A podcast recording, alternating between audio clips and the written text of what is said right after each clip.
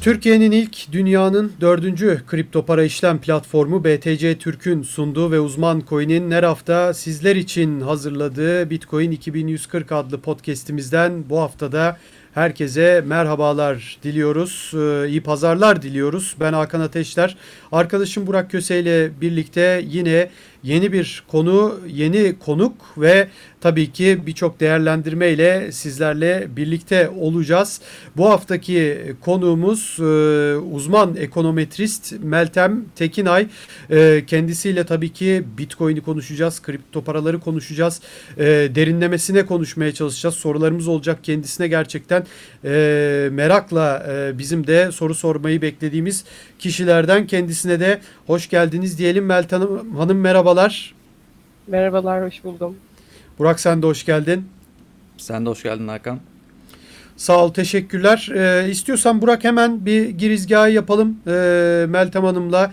Ee, uzman ekonometrist e, ne demektir? Zaten kendisinin tezi de var Bitcoin ile ilgili. Bunların hepsini soracağız ama şimdi tabii e, kripto paralarla ilgili genelde e, hayatımızda son e, bizim belki Burak'la biraz daha eskidir 4-5 sene ama insanlara özellikle bu sene insanların hayatında çok fazla terim girdi. Yani Bitcoin'den kripto paralara bir de analistler, stratejistler, ekonomist, uzman ekonomist e, ve ekonometrist derken gerçekten insanlar bunların hepsini aynı zanneden var, farkını bilemeyen var. İlk önce Meltem Hanım buradan başlayalım istiyorsanız. E, ekonometrist ne demek? Uzman ekonometrist ne demek? Bize e, biraz kendinizden de bahsederseniz bu terimle e, bağlantılı olarak seviniriz. Buyurun. Tabii ki öncelikle teşekkür ederim yayın davetiniz için. Ee, şöyle bir girizgah yapabiliriz aslında. Ee, ekonometri bizim için e, ya Türkiye'de çok fazla bilindik bir e, bölüm, bir alan değil aslında ama yurt dışında özellikle Amerika'da çok daha e, bu alanda bölümler var. E, bu alanda çalışmalar yürütülüyor. E, ama tabii son yıllarda dikkat ettiğimde de Türkiye'de tabii güzel e, girişimler oldu. Bu alanda insanların da daha bilinçli yaklaştığını düşünüyorum açıkçası. Ekonometri şöyle özetleyebilirim. Ekonometri e, iktisat, istatistik ve e, matematiği, matematiğin hep birlikte e, yoğun şekilde kullanıldığı bir alan. İktisadın bir alanı. Hmm. E, tabii iktisattan farklı yolları var. İktisat daha çok e, ekonomiyi açıklamaya çalışıyor. Biz onu e, analizlerle yorumlamaya çalışıyoruz aslında. Değişkenler arasındaki ilişkileri inceliyoruz. Bu alanda tahminlemeler yapıyoruz. E, tabii ekonometrinin içerisinde de yöneylem araştırmaları var. Onu da belki duymuşsunuzdur. O da daha çok e, farklı alanlara hitap ediyor. Bu hem üretim hem istatistik e, hem işte maliyet, bütçeleme, satış. Bu alanlar aslında hepsini içeriyor. Ben bu açıdan e, bölümümü gerçekten çok seviyorum ve çok benimsemiş durumdayım. Ekonometrist, e, ekonometri, üniversitelerin ekonometri bölümünden mezun olan insanlara verilen bir ünvan. E, tabii bunun yükseğini gerçekleştirdiğiniz zaman bunun başına uzman e, ismi geliyor. E, ben de 2021 Mart ayında taze mezun olarak uzman ekonometrist oldum. Yöneylem araştırmaları e, ana bilim dalıyla birlikte. E, tabii benim girişim 2011'den başlıyor. 9 Eylül Üniversitesi'nde ekonometriyi bitirdim 2016 yılında. Ardından 2021'de yüksek lisansı bitirdim. E, bu şekilde özetleyebilirim şimdilik. Evet yani bu anlamda zaten birçok sorumuz da olacak size. Yani ekonomi zaten çok geniş bir alan. Onun içindeki birçok alanı da yani siz anlatırken şöyle bir kafamdan hemen bir iki soru geçti. Ama Burak'a vereyim e, çünkü açıkçası biz podcastleri yaparken belirli soruları hazırlıyoruz ama konuklar geldiği zaman işte bambaşka bir şeyler söylendiğinde bizim aklımıza doğaçlama başka sorular geliyor spontane hani o soruları soramadığımız bile oluyor bazen. Bambaşka yerlere gidiyor ki ekonomi e, başlığı zaten öyle bir başlık. Yani e, bambaşka yerlere de gidebiliriz. Şimdi buradan hemen FED faizlerini de sorabiliriz. Oradan e, işte enflasyondan bitcoin'e altından gümüşe geçerken çünkü biraz da herkes de tabii fiyat bekliyor. Onun onun dışı ona da belki gireriz ama ilk olarak bir bizim hazırladığımız sorulardan gitmeye çalışalım. Burak sana vereyim sözü ben. E, ben şuradan başlamak istiyorum. E, sizin zaten Bitcoin ilgili bir teziniz var. E, ilginç bir tez. Konusu da enteresan. Zaten Türkiye'de de çok özellikle bu konuda kripto paralarla ilgili akademik çalışma var ama herhalde yetersiz. e, Bitcoin'in derin öğrenme yöntemiyle modellenmesi ve tahmini üzerine e, bir çalışma yaptınız siz. E, şunu merak ediyorum öncelikle Bitcoin ile ilk olarak ne zaman ilgilenmeye başladınız ve böyle bir çalışma yapmaya nasıl karar verdiniz? Aslında şöyle, e, benim de çoğu insan gibi tanışmam 2017-2018'e dayanıyor. Bu inanılmaz fiyat artışıyla birlikte işte tüm dünyanın gündemine oturdu. Ben de o şekilde e, haberdar oldum. Bu yüzden birazcık aslında kendime kızgınım. Yani benim alanım en nihayetinde ve ardından öğrendiğimde de keşke daha önceden biri ilgilenseydim dedim ama bunu tamamen e, hani zengin olma hayaliyle alakası yok. Ben daha sonradan çok ilgimi çekmeye başladı benim bu özellikle kripto para, alanı. E, tez dönemine denk geldiğim sırada e, böyle bir alanda çalışmaya karar verdim. Çünkü bu çok yeni. E, en basitinden nakit paranın artık esamesinin okunmadığı bir piyasadan bahsediyoruz. Ve şu anki ekonomiyi tamamen çöpe atsak ve kripto para piyasasını hayatımıza alsak bu mümkün aslında şu an. Belki o zamanlar daha güçtü bunu düşünmek ama e, birazcık da aslında böyle kendi düşüncemi şimdiden belli etmiş gibi oldum. E, çok yenilikçi bir yaklaşım. E, tabii altında birazcık daha araştırınca blok zincir teknolojisini öğrendikten sonra yani araştırdıktan sonra diyeyim çünkü onu öğrenmek benim için çok ütopik duruyor şu an için. E, benim çok ilgimi çekti ve ben ardından araştırmaya başladım. Tabii e, bu tez direkt olarak bu şekilde benim kucağıma düşmedi. Bunun bir gelişim süreci oldu. E, ben öncelikle bu piyasayı araştırdığımda bunun spekülatif olup olmadığını merak ettim. Çünkü bu alanda insanlar çok fazla e, işte batanları oldu, çıkanları oldu, Tabii. zengin olanları oldu ama kim neye göre bu yatım, yatırımları yaptı ve kim neye göre zengin oldu veya battı? Bunlar çok büyük sorular aslında ve önemli. E, ben o yüzden en basit haliyle diğer finansal araçlarla ilişkisini araştırmaya karar verdim ve bununla ilgili e, bir konferansta bildiri yazdım. E, 9 Eylül Üniversitesi'nin düzenlediği uluslararası bir konferanstı ve özellikle ben bu bildiriyi İngilizce yazdım. E çünkü Türkçe ile belirli bir kesime hitap edebiliyorsunuz. Ben çoğu insana ulaşmasını istediğim için böyle bir yol izledim.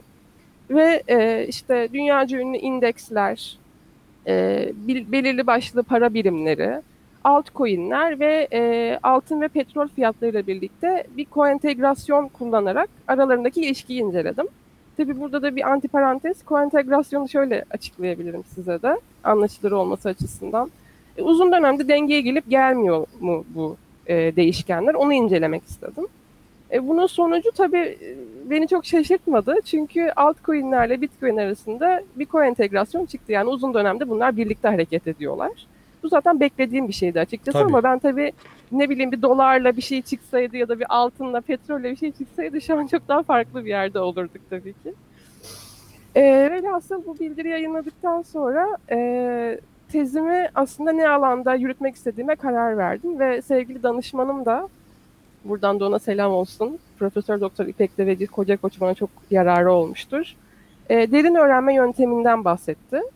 E, derin öğrenme yöntemi aslında son yıllarda çok popüler olmaya başladı. Bizim hayatımıza da çok fazla girmiş durumda. E, derin öğrenmeyi de şu şekilde özetleyebilirim size. E, yapay zekayı hepimiz az biraz artık Tabii. biliyoruz. Duymuşluğumuz var. E, tam olarak nasıl işlediğini bilmesek de ne olduğundan bahsediyoruz. E, bu bildiğimiz e, makine öğrenmesi. Makineleri öğretiyorsunuz ve insan işlerini yapmaya başlıyor. E, makine öğrenmesinin tarihçesine baktığımızda e, yapay zeka ile birlikte e, günümüze geldiğimiz zaman derin öğrenme diye bir e, teknolojinin çıktığını gördük. Bu da e, derin öğrenme aslında birazcık daha komplike bir alana giriyor. Çünkü de, makine öğrenmesinde tek katmanlı işte eğitimli ya da eğitimsiz veri setlerini alıyorsunuz. Bunları e, eğer e, eğitimli bir veri seti istiyorsanız istediğiniz veri seti yani giriş veri setini ve almak istediğiniz sonucu girip işte bir kod yazıp orada e, istediğiniz tahminle ne kadar tutuyor bu yazdığınız model çıktı sonuçlarıyla sonuçları karşılaştırıyorsunuz. Yüzde kaç modeliniz doğru tahminliyor. Ee, makine öğrenmesini bu şekilde özetleyebilirim. Derin öğrenmede burada birkaç tane katman bulunuyor. Ee, bu katmanların e, çok fazla m, seçenekleri var aslında ve her biri veri setine göre uyarlanması gereken setler. Yani her veri setini siz kalkıp belirli bir modele e, uygulayamıyorsunuz. Çalıştığınız her alanla ilgili belirli bir model oluşturmanız lazım. Yani hatta ona spesifik bir model oluşturulması lazım. O yüzden bu birazcık daha e, kod kısmına e, ihtiyaç duyan bir alan. E, birazcık daha e, araştırma yapılması gerekiyor. Veri setinin cinsi nedir, analiz nasıl yapılır, e, nasıl yorumlanır? Bunlar birazcık daha tabii e, üst düzey e, analizlere giriyor. E, tabii ben de bu alanda e, çalışmaya başladığımda e, çeşitli şeyler buldum tabii. Bu test sırasında da bundan önce bir kitap bölümü de araya sıkıştırdık tabii bu arada. O da enteresan bir yayındır. Belki onu da incelemek istersiniz sonra. Covid-19 vaka sayılarıyla Bitcoin madenciliği arasında bir ilişki araştırdım. Ha, ilginç. Ee, evet o aslında güzel sonuçlar getirdi benim için. Onun da sonucunda e, dünya çapında her gün açıklanan veri sayılarıyla Bitcoin günlük madencilik işlem hacmi arasında e, bir ilişki olduğunu buldum. E, bu tabii incelenmeye kayda değer e, bir sonuç oldu benim için. E, tabii test sırasında olduğum için çok fazla o alanı hani nasıl oluyor bu işler diye çok fazla inceleme fırsatım olmadı. Ama o hala Şurada aklımda onun peki şunu sorayım hemen sözünüzü kestim ama yani nasıl bir sonuç çıkıyor orada? Sonuçlara ulaştım dediniz ama he- hem yani çok kısa anlatırsanız hani e, çünkü gerçekten çok başlık var. E, Burada nasıl bir sonuç buldunuz e, ve e, alakayı nasıl kurdunuz? Yani e, madencilikle e, vaka sayısı arasındaki bağlantıyı nasıl kurdunuz? Neye istinaden böyle bir bağlantı kurdunuz mesela? Şöyle söyleyeyim, şimdi bu tabii Covid-19 dönemi tüm e, dünyada ekonomik bir krize Tabii. aslında yol açtı diyebiliriz. E, bu da tabii ekonomik olarak bakıldığında bu dönemler e, kriz dönemleri olarak anılır ve e, bu alanda yapılan çalışmalara göre ayrı analiz çeşitleri vardır. Ben VAR modeli kullandım, e, vektör e, otoregresif modeller olarak. E, bu modeli kullanmamın sebebi dediğim gibi kriz döneminde daha doğru sonuçlar verdiği için e, bunu kullandım. Ee, burada tabii çeşitli yorumlar yapılabilir. Ben e, madencilik sayısı, madencilik hacmiyle, günlük madencilik hacmiyle günlük vaka sayısı arasında bir ilgi olup olmadığını incelememin motivasyonu insanların artık evlere çekilmesiyle birlikte e, tamamen sanal hayatlara dönmemize aslında benim motivasyonum Doğru. oldu. Çünkü şu an Doğru. düşündüğümüzde dışarı dahi market alışverişini yapamadığımız zamanlar oldu. İnsanlar evlerinde ekmek yapmaya başladılar. Yani Tabii. asla internetten almam dediğimiz şeyleri eve söylemeye başladık. Ee, böyle olunca aslında bu e, benim düşünceme göre yakın geleceği e, simülasyonunu yaşadık aslında benim için. Yani böyle bir şey yapabilir miyiz? Yani biz tüm hayatımızı sanal e, ortam içerisine dahil edebilir miyiz? E, benim için önemli olan buydu ve tabii sanal kısmına gelince de aklımıza gelen ilk şey şu an kripto para oluyor. Doğru. Ee, insanlar artık bankalara güvenleri kalmadı, devletleri, e, hükümetlere güveni kalmadı. Çünkü her an her şey olabilir. Virüs de bizim bir anda e, karşımıza çıktı. Tabii. Asla beklemediğimiz bir dönemde. Ee, böyle olunca e, bu ikisi arasında böyle bir ilişki araştırmak istedim. Ve istediğim sonuca da ulaştım aslında öyle söyleyebilirim size. Ee, hemen Ancak çok tabii- kısa ne olduğunda yani sonucun e, yani ben tahmin de ediyoruzdur. Burak da belki tahmin ediyordur ama sizden bir duyarsak daha iyi olur sanki. E, ikisi arasında e, istatistiki olarak anlamlı bir etkileşim var diyebiliriz. Hı hı. Yani madencilikle vaka sayıları arasında e, anlamlı bir ilişki var diyebilirim. Evet yani aslında burada e, madenciliğin böyle bir pandemi esnasında artması tamam ama vaka sayısıyla doğru orantılı bir şekilde olması e, beni e, ya şaşırttı demeyeyim de e, ilginç geldi. Bana öyle diyebilirim. Evet. Yani e, hani bir ekonomik krizde veya dijitalleşen dünyada bunu veya işte bir dediğiniz gibi bir pandemide bu şartları sağlayan bir pandemide olması ilginç.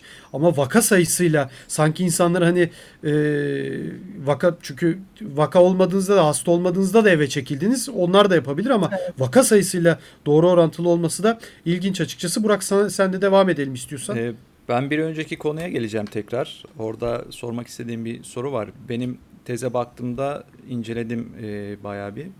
Gördüğüm genelde şuydu. E, yani burada derin öğrenme yöntemiyle yapılan tahminin gerçek tahminle yani birebir aynı olmasa da onu yakaladığı şeklinde bir şey gördüm yanlış görmediysem. Sizin e, bu derin öğrenme yöntemi nasıl sonuç veriyor? Yani mesela bu yönteme dayanarak işlem yapmak mantıklı olur mu sizce? Şimdi tabii şundan bahsetmem gerekiyor öncelikle. Ee, bu derin öğrenme tamamen geliştirilebilir bir şey. Ee, benim e, modelim evet sağlam, arkasındayım tabii ki. Ancak e, üzerinde daha fazla tabii ki çalışmak isterdim. Ancak biliyorsunuz artık tezi yetiştirme e, çabasına girdiğim için belirli bir yerde kesmek durumunda kaldım. Ancak sonuçlar tabii ki beni tatmin etti. Ee, ancak ben hiçbir zaman Bitcoin yatırımcısı olmadım. Bunu burada söylemem ne kadar doğru bilmiyorum ama çünkü benim e, daha farklı görüşlerim var. Yani ben e, Bitcoin üzerinden para kazanmayı e, çok yani bana çok mantıklı gelmiyor açıkçası. Çünkü elde ettiğim sonuçlar hep spekülatif olduğuna dair. Yani spekülatif bir ortamda sizin kazandığınız da kaybettiğiniz de tamamen sizin şansınıza kalmış bir durum. Tabii ki çok iyi analizler yapabilirsiniz. E, yaptığınız analizler doğru tutabilir. E, daha önceki yayınlarınızda duygu durum analizleriyle ilgili çeşitli e, şirketlerin konuşmaları oldu. Onu da dinledim mesela. O e, bununla ilgili sayısız analiz yapılabilir. Ancak dediğim gibi benim kurduğum model e, geliştirilebilirdir. Evet kendi içinde güzel sonuçlar buldu ama %100 kimse tahmin yapamaz. Zaten Tabii. Bitcoin ile ilgili genel görüşler hani fiyat tahmini şeklinde değil ama trend ne yöne gidecek? İşte ayı piyasası mı, boğa piyasası mı, nasıl hareket edelim bu tarzda oluyor genelde. Ee, benim buradan yani çok fazla tavsiye edebileceğim bir şey yok ama e, çalıştığım model gerçekten güzel. İsteyenlere de buradan tabii ki gönderebilirim. Herhangi bir şekilde yatırım tavsiyesi olmadan. Anladım. Peki bu çalışmalarınızda sizi en çok şaşırtan sonuçlar ne oldu? Yani birkaç tane belki sayabilirsiniz. Ya evet aslında en çok beni şaşırtan şey bu vaka sayısıyla arasındaki ilişki beni çok şaşırtmıştı.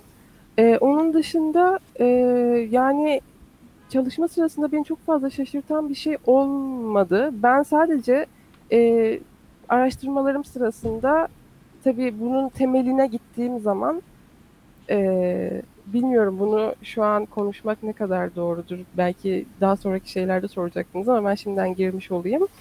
E, tezimin son bölümünde siz de incelediğinizde görmüşsünüzdür. Economics dergisinin makalesini e, kendim çevirip oraya da eklemek istedim. E, tabii bu makalenin de Türkçesini okuduktan sonra aslında e, bazı şeylerin çok da e, rastlantısal olmadığına inanmaya başladım.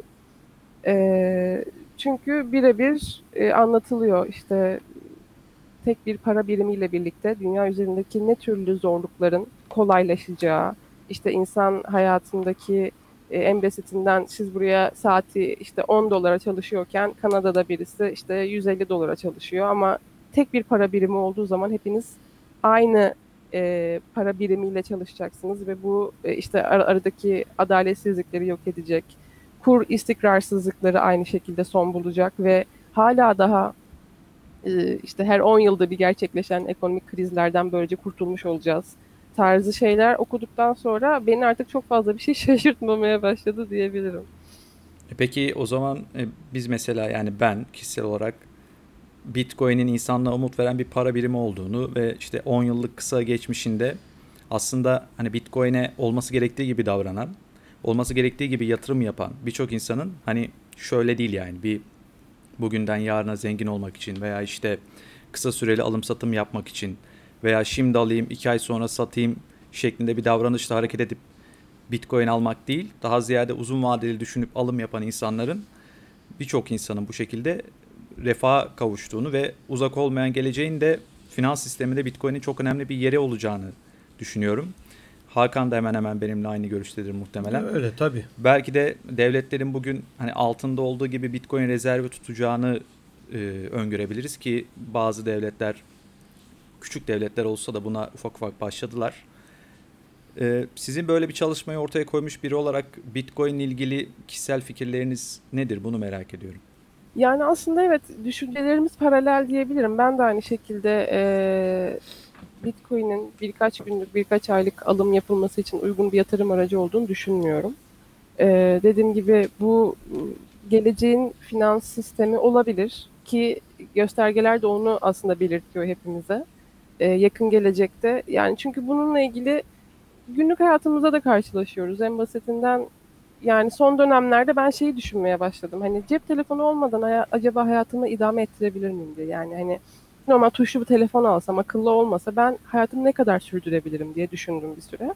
İlk başta çok olumluydum bu düşünceye karşı. Çünkü gerçekten öyle bir niyetim vardı. Ancak e, daha fazla düşündüğüm zaman en basitinden faturalarınızı ödeyemiyorsunuz. Kalkıp elektrik su faturasını gidip vezneye ödemeniz lazım ki muhtemelen vezne kalmamış bile olabilir şu an. Çünkü herkes otomatik ödemeyi aldı. Evet. Ya da ne bileyim ben maaşımı en son ne zaman gidip nakit çektiğimi hatırlamıyorum. Hani belki günümü geçirmek için falan alıyorumdur. Kredi kartları aynı şekilde hemen mobil bankacılık var elimizin altında. Efendime söyleyeyim e, gittiğimiz bir yerde uçak biletimizi hemen alıyoruz. Hava kaç derece öğreniyoruz. İşte Tabii. en son kimle görüştük hemen onu arıyoruz. Yani bu bizim aslında tamamen hayatımızın bir parçası olmuş. E, beni birazcık rahatsız ediyor aslında böyle olması. Çünkü bir şeye bağımlı olmak. Ya bilmiyorum ben pek hoşlanmıyorum böyle şeylerden ama yani yüzyılın götürdüğü yer bizi burası aslında. Çünkü bundan kaçamayız hiçbir zaman için ve bunu olabildiğince güzel şekilde karşılamamız gerekiyor bence. Hepimizin kendince yapabileceği şeyler vardır tabii ki. Ee, bu şekilde düşünüyorum. Hakan. Şimdi hemen o zaman şunu sorayım. Biraz önce de söylediniz zaten. Hani ben e, Bitcoin almadım dediniz. E, belirli e, spe- spekülatif belki e, durumlar gördüm dediniz. Olabilir ama e, ama şu anda söylediklerinizi de söylüyorsunuz. Yani hayatımızı aslında dijitalleşmenin ne kadar kolaylaştırdığını da söylüyorsunuz. Mesela o zaman hani e, en azından e, kısadan, küçükten hiç ben yani öyle bir potansiyeli görüyorum sizde. Hani şey de değil yani böyle bir e, tavsiye de verecek değilim zaten ama sanki e, bunları söylerken hani bir kararsız kalmışsınız ama o Bitcoin almaya da yakınsınız gibi geliyor bana. Yani bu almak derken yani belirli bir meblağı direkt oraya yatırmaktan bahsetmiyorum ama e, sizin gibi bu araştırmayı yapmış birinin de hani en azından bir sadece almak için bile almış olması e, daha doğru olmaz mıydı acaba? Kesinlikle. Yani e, şöyle yatırım yapmadım derken herhangi bir şekilde al sat yapmıyorum aslında. Şu an çok küçük bir miktar evet orada duruyor ama hani işte şuradan şunu alayım bunu satayım falan tarzı Tabii, bir tabii. girişimim yok. Tabii tamamen o yönde Yani. sordum, sordum zaten. Evet, evet. Ee, yani dediğim gibi çok spekülatif olduğu için ben e, açıkçası birazcık da aslında blok zincir teknolojisine kaymaya başladım daha çok. Çünkü bu e, evet Bitcoin çok kıymetli bizim için ama bunun getirdiği teknoloji de en az onun kadar kıymetli ve bu e, dijitalleşmeye de hepimize olanak sağlayacak bir teknoloji. E, sizler de çok iyi biliyorsunuz. E, bu alanda yapılacak değişikliklere e, hani ekonomi bazında evet Bitcoin ama diğer alanlarda ne olacak mesela? O, ona da, çok iyi mesela bir birçok uzman oradaki sizin de fikriniz ayrıca ben Burak'ın da fikrini merak ediyorum. Yani ikinize de ayrı ayrı aynı soruyu sormuş olayım o zaman. Mesela birçok uzman da aslında sizin biraz önce söylediğiniz hani e, biraz daha blok zincire ben yöneliyorum tarzı cümlelere de e, tepki gösteriyorlar yani bu e, kripto Öyle. para tabii yani kripto para e, evrenindeki birçok insan ya efendim bırakın hani blok zincire bakalım işte mesela bankalar için onun e, bankaların o yorumda bulunduğu ifade edilir. İddia tabii bunlar. Genelde çok resmi açıklamalar görmüyoruz ama hani biz Bitcoin değil de pek biraz daha blok zincir teknolojisine bakıyoruz. E, sözüne e, bu e, dünyadan biraz tepki gelir genelde. Çünkü ikisi ayrılamaz bir ikili olarak görülüyor. Siz katılır mısınız buna ama aynı soruyu ben burada soruyorum tabii ki. Yani e, aslında niye tepki verdiklerini çok çözemedim. Çünkü ekonomi ayağında Bitcoin olduğu zaten aşikar yani. Bu Evet. Bitcoin olmasa, Z coin bile olsa 50 yıl sonra bu teknolojiyle ilerleneceği artık aşikar. Ama diğer alanlarda da biz bu teknolojiyi çok rahat kullanabiliriz. Tabii, tabii. Yani burada inanılmaz bir Hayır potansiyel yani bir var. tarafı dışlayıp öbür tarafı tamamen öbür tarafı yok. görmek o anlamda tabii söylüyor. O ona Yok, tepki yok. Siz biraz önce dediniz ya o açıdan sordum. Hani e, teknolojiye bakalım derken öbür tarafı e, o türlü ben anladım biraz. Şöyle aslında yani benim için tamamlandı ekonomi kısmı öyle söyleyeyim o zaman yani Tamam, e, tamam. evet son Bitcoin çıkana kadar belli ne olacağı öyle söyleyeyim. Evet, evet. O zaman ben biraz tersten orada Evet. anlamışım. Yok Tabii tabii. Hakan'ın Ee, Bitcoin hassasiyetleri Yok ya. ya aslında e, hassasiyet değil de gerçekten e, Ee, burada hani ben- biraz daha e, şey olduğumuz için hani spontane sorularda geldiğimiz için bak mesela ben yanlış anlamışım sordum hemen buradan Evet. şey yaptık. Yani onu sor, Senin- sormadan da rahat edemiyorum açıkçası. Senin bahsettiğin bahsettiklerin genelde şöyle yaklaşıyorlar. İşte blok zinciri iyi, güzel, harika bir teknoloji ama Bitcoin işte gereksiz veya işte TÜKAK'a. Bitcoin önemli değil. Aynen TÜKAK'a. Olmasa da olur. Ee, bu yorumları yapanlara genelde tepki gösteriyorlar ama Meltem Hanım biraz o konuda farklı bir yerde. Ee, Evet. Belki de daha doğru yerde. Ee, şunu aklıma konuşurken şu geldi mesela. Bitcoin gerçekten enteresan bir varlık şu açıdan. 2013 ve 2017'deki fiyat hareketlerine baktığımızda 4 yıllık döngü dediğimiz bir şey var. İşte bu blok ödülü yarılanmaları oluyor 4 yılda bir. Genelde bununla ilişkilendiriliyor bu 4 yıllık döngüler. Bitcoin'in fiyatı 4 yılda bir sanki aynı fiyat hareketini yapıyormuş gibi davranıyor. 2021'de de bir 4 yıl sonra 2021'deyiz. Şimdi baktığımızda yine böyle neredeyse aynı bir fiyat fiyat hareketi görüyoruz. Hatta mesela Bitcoin 2017 sizin de çalışmanızda o zirve noktası olarak belirttiğiniz 17 Aralık 2017 tarihindeki zirveydi değil mi? Ee, orada işte Bitcoin 19.000 bazı borsalarda 19.783 dolara çıkıyor. Bazılarında işte 19.500 küsürlerde. 17 Aralık veya 16 Aralık bu tarihlerde oldu bu zirve 2017'de. Şimdi 4 yıl sonra bu zirve ne zaman geçildi? Yine aynı tarihlerde 2021 16-17 Aralık'ta bu zirvenin geçilmiş olması 4 yıl sonra ilk defa. Ondan sonra e, Hakan'la bunu sık sık hatırlatırız. Mesela e, 25 Aralık'ta 25 bin dolar, 26 Aralık'ta 26 bin dolar. Yani bunların 27 Aralık'ta 27 bin dolar gibi böyle e, o, o seviyeyi geçtikten sonra böyle enteresan bir ilişkiler oldu Bitcoin fiyatında bu tarihle ilgili olarak. Yani bunlar da belki incelenmesi gereken, e, araştırılması gereken konulardır. E, Kesinlikle. tesadüf mü değil mi açıkçası çok bilmiyorum. Sadece Yani burada açıkçası Evet. şu e, Buran dediği gibi tamam hani mesela şu tesadüf diyelim hani zaten bir günde bin dolar arttığını e, görebiliyoruz. Tabii bu ayın 20'lerine denk gelmesi onda fiyatın 20 binlerde olması hadi diyelim ki çok büyük bir tesadüf ama gerçekten bu Burak'la hep konuştuğumuzda 2017'ye bakıyorsunuz e, Eylül'den Aralık'a kadar giden o all time high dediğimiz en yüksek seviyeye gidinceye kadarki yoluyla geçmişteki yollar, yolları çok benzer. E bakıyorsunuz da- daha biz bunu geçtiğimiz yani podcastlerde de aylar önceki podcastlerde de konuklarımıza çok sorduk. Ya dedik hani 17 Aralık 2017 e şimdi geldik e, 17 Aralık 2020. Yani aynı fiyatlar aynı yine all time high. Yani 3 gün sonra yap bir ay sonra yap bir ay önce yap. Yani e, o da olmuyor. Yani e, çok garip hareketler. Sanki böyle bir insan da kontrol ediyormuş gibi sanki bir insan hepimizle oyun oynuyormuş gibi başında bilgisayarda oturmuş. Gerçekten çok garip fiyat hareketleri var ve inanılmaz tesadüfler var. Biz çok konuştuk bunu. Yani geçmişte hatta ben soruyordum Burak'a yani geçmişte oldu diye şimdi de olmak zorunda mı? Olur mu öyle şey diyordum yani daha geçen hafta da konuştuk hatta oldu. Yani hep olmaya da devam ediyor. Yani geçmişte ne oluyorsa fiyat aynı oluyor. Mesela hani burada takip edilebilir. Ee, işte 2017 aralığa giden süreç. E şimdi bakıyorsunuz 2021 aralığa giden süreçte çok benziyor.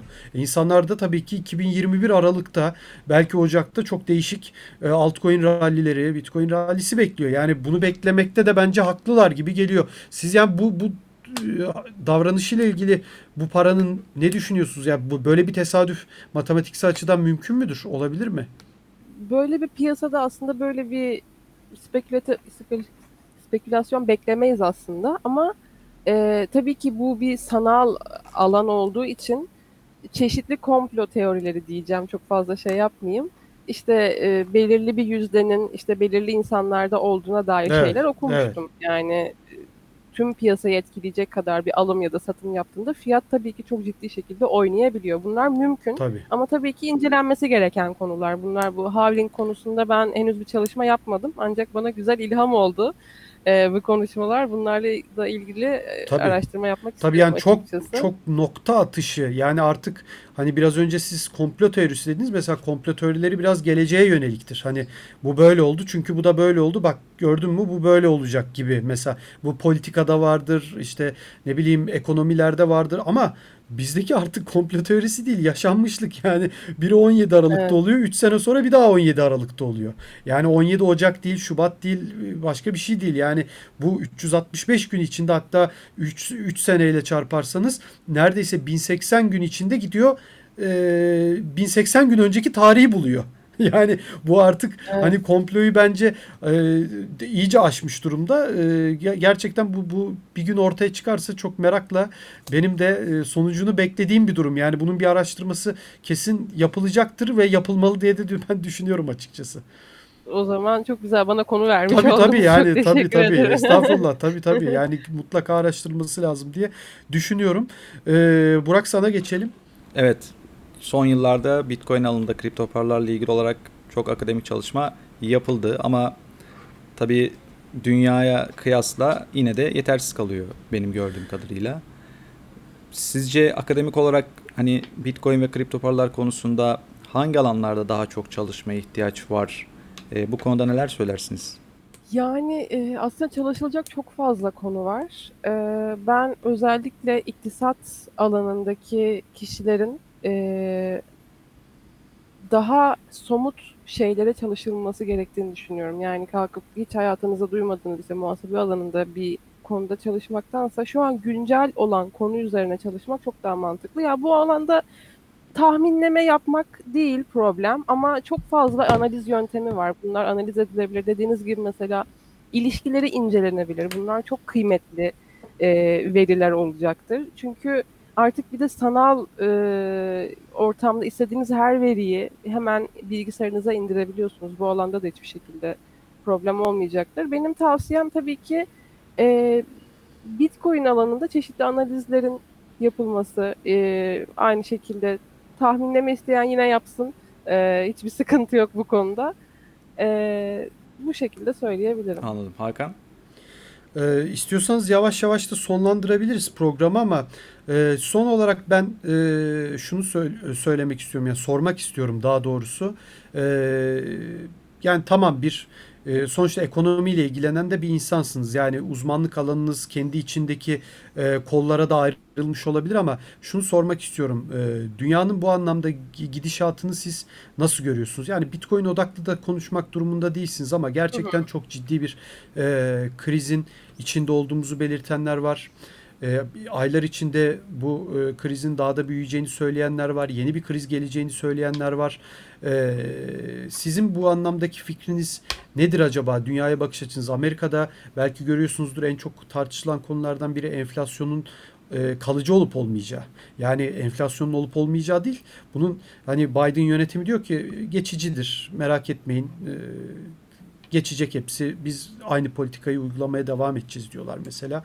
Yani e, diğer taraf diyor ki hayır kardeşim bu böyle giderseniz siz açık açık e, gittiğiniz yol yol değil diyor e, diğer tarafta. Sizin bu anlamda dünyaya bakış açınız ekonomik anlamda nasıl ne görüyorsunuz? Hem kısa hem uzun gelecek olabilir. Yani orta vade olabilir. E, ne söylemek istersiniz? Ben açıkçası şu an bir krizin içerisinde olduğumuzu düşünüyorum. Yani Hı hı. bu gelecek ya da gelmiş bir durum değil. Şu an zaten içerisindeyiz krizin. Ee, bu tabii hem üretim anlamında hem lojistik anlamında hem e, para piyasalarında yaşanan ani iniş çıkışlar hakkında e, krizin içerisindeyiz artık. Hani bundan daha iyi günler tabii ki gelecektir. Ancak yakın vadede ben çok öyle olacağını düşünmüyorum açıkçası. Ee, burada e, tabii ki tüm piyasalardaki krizin öncelikle e, karar vericiler tarafından kabul edilmesi gerekiyor bence. Yani krizi yok sayarak onun içerisinden çıkamayız. Bu bariz bir şey. Evet. Ee, bu bunun tabii ki kabul edilmesi çok kolay olmayacak bence. Yani bunu 2-3 seneyi bulabilir. Bunu evet ya biz çok ciddi bir krizin içerisindeyiz. Ama şu an son demleri belki yaşanıyor. Ee, inkar ya da işte görmezlikten gelme konusunda. Ancak tabii ki biz yaşayanlar olarak da bunu çok bariz şekilde görüyoruz. Sadece Türkiye açısından söylemiyorum. Bütün dünya için Tabii. geçerli. Tabii. E, tabii ben bir de özel sektörde de çalıştığım için oranın da dinamiklerini ayrıca değerlendirebiliyorum. E, bir fabrikada e, çalışıyorum ve burada ham madde giriş çıkışları ile ilgili yaşanan e, sıkıntılara ben de e, Şahit birazcık oluyorsunuz. farkındayım tabii ki. E bunların tabii ki işte lojistikle ilgili işte konteyner bulunamama problemleri, işte e, üretimlerin durdurulması, insanların işte işlerine hala gidememesi, aynı şekilde tüketimin azalması eskisi kadar yani dışarı çıktığımızda e, eskiye nazaran %50 daha fazla fiyatlar ödüyoruz Evet, şu an evet. için. E, yani ben yakın geleceği çok e, iyi görmüyorum diyebilirim. Tabii tabii yani bunu Ancak- zaten birçok kişi söylüyor. Tabii. Evet, e, tabii ki bundan bir çıkış olacak. Düzlüğe tabii ki çıkacağız. E, ancak o zaman hala da bu ekonomik sistemi kullanıyor olur muyuz? Onu yaşayarak göreceğiz. Evet yani e, biraz şey oldu bu hani e, bilmiyorum espri yapmak doğru mu bu konuda ama artık hani biz o, o seviyeyi aşmış bir milletiz. Yani en kötü durumlarda bile böyle gülmeyi başarabilen hani şu var ya sosyal medyada hani kötü günler geride kaldı şimdi daha kötü günler geliyor. Yani biraz açıkçası oraya doğru ama tabii dediğiniz gibi işin e, şu kısmından dolayı yani inkar olduğu için bütün dünyada bunu Amerika'da e, şu anda belirli oranda işte görüyoruz. Hep işsizliği azalttık. Geçen sene şöyleydi şimdi böyle gibi. E, bu anlamda da Biden yönetimi çok konuşuyor. Trump yönetimi de çok bu anlamda kendini biraz öven e, sözler söylüyorlar da hani o da bir inkar bence. O yüzden hani biraz bunu söyledim. E, özellikle yani Bitcoin'in zaten çıkma sebebi 2008'de böyle bir kriz. Böyle bir kriz olduğu için hani bunu söylemekte de çok açıkçası e, utanmadan söylüyorum açıkçası burada yani bunu açıkçası çok da saklamaya gerek yok gerçekleri söylerken de biraz da gülebilmeliyiz diye düşünüyorum. Çok teşekkür ederiz Meltem Hanım Ben çok değerlendirmeleriniz için. teşekkür ederim. Çok güzel bir sohbetti. Sağ olun. Sorularınız için ayrıca Tabii ki. teşekkür Tabii ki ederim. Biz Ya- teşekkür ederiz. Sağ olun. Yani aslında daha daha da çok uzar bu konu ama işte zamanımız kısıtlı. Ee, yoksa daha ne sorular hani neler neler e, nere, konulara girmemiz lazım ama dediğimiz gibi e, sürede kısıtlı. Burak senin de ağzına sağlık tekrardan. Teşekkürler Hakan. Evet, e, bir podcast'imizin daha sonuna geldik. Bu pazarda konuğumuz uzman ekonometrist e, Meltem Tekinay'dı. Kendisiyle tabii ki e, ciddi şekilde yani Bitcoin odaklı konuştuk ama ciddi şekilde ekonomiye de değindik. E, artık bu haftalıkta podcast'imizi sonlandırabiliriz. E, Türkiye'nin ilk dünyanın da dördüncü kripto para işlem platformu olan BTC Türk'ün sunduğu ve Uzman Coin'in her hafta sizler için hazırladığı Bitcoin 2140 adlı podcast'imizi bu haftada sonlandırıyoruz. Gelecek hafta görüşmek dileğiyle herkese iyi pazarlar, iyi haftalar.